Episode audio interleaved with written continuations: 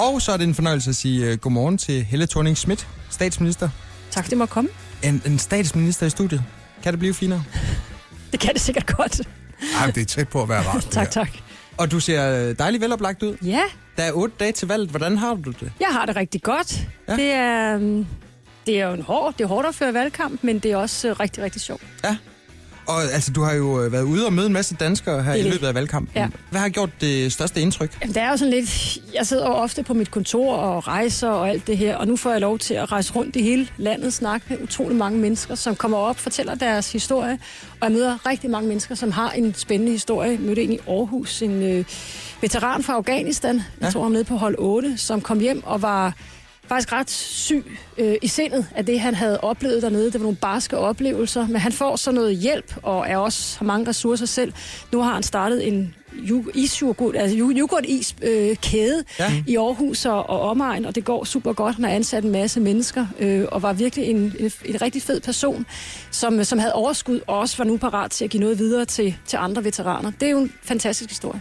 Altså, og udover øh, alle de øh, glade vælgere, så er der jo også en masse journalister, der bombarderer dig med spørgsmål Det er der. konstant. Og, og jeg tænker på, er der et spørgsmål, som du sådan lidt savner i den forbindelse? Er der noget, du sådan godt kunne tænke dig at blive spurgt om? Jeg kan ikke forestille mig efterhånden et spørgsmål, jeg ikke er blevet stillet. Så, så nej, der er ikke noget, jeg savner i forhold til journalisternes spørgsmål. Men ofte, når det er seerspørgsmål eller lytterspørgsmål, så får man nogle lidt anderledes spørgsmål, end den journalisterne plejer at stille. Og det, det er rigtig sjovt, synes jeg. Hvad synes du er rarest at tale om? Hvor har du det bedst som fisk i vandet? Jeg kan bedst lide at tale om politik. Ja, det er jeg med på. Ja. Men, Nå, men det, det men ikke, går det, du hen og bliver træt, når der går, øh, går øh, flygtningestrøm i den, eller... Nej, jeg synes, det er et vigtigt emne. Øh, og vi har jo også strammet øh, reglerne for at få asyl i Danmark, fordi det er vigtigt, og vi skal kunne følge med i, i Danmark. Så jeg vil da gerne diskutere flygtninge og udlændinge i Danmark. Jeg har også selv diskuteret det, jeg sagde i min nytårstale, at dem, der kommer til Danmark, de ikke skal blive klienter, mm. men at de tværtimod skal ud og være et aktiv for samfundet. Det er godt for dem, men det er også godt for samfundet, og det, det, er, det er vigtigt at få diskuteret. Øhm, I morgen, der starter folkemødet på Bornholm. Mm. Du skal holde en tale på fredag. Ja.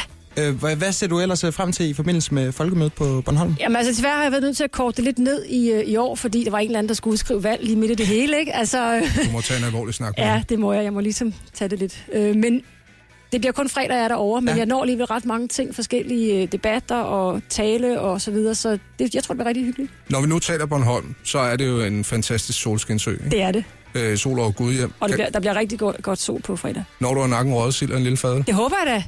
Jeg håber da, at vi når at spise, øh, spise en god frokost derovre. Vi skal lige i stemmeboksen her den 18. juni, og vi glæder os. Men øh, efterfølgende, der er der jo rigtig mange danskere, der også ser frem til lidt sommerferie. Ja. Og vi kunne godt tænke os sådan lige at spørge dig, hvor, hvis man sådan skal besøge et fantastisk sted her i Kongeriget, Ja. hvor øh, foretrækker du så at, at feriere den? Åh, oh, der er så mange gode steder. Øhm, jeg har, altså nu har jeg også rejst rigtig meget rundt her de seneste dage, og på Fanø forleden dag. Ja. Øh, jeg ved ikke, om nogen af jer har været der. Der er så fedt på Fanø, øh, og, og hyggeligt, og strand, og så langt øjet rækker. Det, det er et dejligt sted. Men jeg har også været mange andre øh, fine steder, hvor man øh, kunne godt bruge et par fridage, hvis man havde dem. Ja, Kan du få lov at være lidt i fred, når, øh, når du øh, tøffer? Jeg er godt klar over, at du måske ikke lige smider dig på den øh, tættest befolkede strand øh, ved Smalemøllebugten. Øh, øh, men kan du få lov at, at være lidt dig selv sammen med familien, når du er afsted? Ja, Respektere det kan jeg folk? sagtens. Jeg synes, der er en enorm fin stemning omkring, øh, når man kommer rundt. Folk er søde, og, og, og det, ja, lige meget hvor man er i landet, så synes jeg egentlig, folk er rigtig søde. Jeg fornemmer også, at du er sådan en, man krammer. Øh, jeg var hos bæren i søndag, så, så tog jeg bærlingeren med hjem, Ja. og så fandt jeg overskriften Hjemløse Torben. Jeg håber, vi vinder valget. Og Korte træk, så er Torben øh, stofmisbruger og drønede, øh, hvor du var øh, på besøg på øh, Mændenes Hjem, ind og gav dig en krammer Jeg foran din ordentlig livvagter. krammer, ja. Ja. Og øh, Torben, han øh, gav så tilladelse til, at billedet blev brugt. Han var bare ikke klar over sådan til hvad, så da vennerne lige pludselig sagde, du hænger altså hænger omkring lygtepælene, så, så, øh, så tænker jeg, hvad er det for noget? Men han har altså fået en, øh, en, en, øh, en julekå af, af kampagnekontoret, og siger så, jeg fører ikke valgkamp, men jeg håber, at Helle vil give mig et nyt fjernsyn i fødselsdagsgave. Og han stemmer altid, når der er valg. Han var en meget speciel person. Han havde været ja, narkoman i rigtig mange år, og var meget tydelig med, hvad der, hvad der var sket i hans liv. Det var en, det var en meget interessant historie, han fortalte. Han gav mig en ordentlig knus, og jeg tror, vi holder lidt øje med, hvornår han har fødselsdag. Han siger også her, ja. kampagnen hedder, alle skal have en chance til. Jeg har fået masser af chancer, jeg har bare ikke taget dem. Helle kan ikke hjælpe mig, det kan kun jeg selv.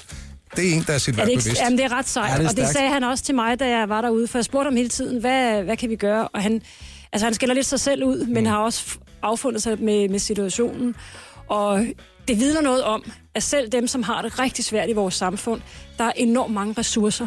Mm. Fordi der skal alligevel nogle ressourcer til at komme ud af sengen hver dag, øh, gøre det, han nu skal gøre. Og jeg, det lyder mærkeligt at sige det, men der er også mange ressourcer hos dem, der har aller, allermindst.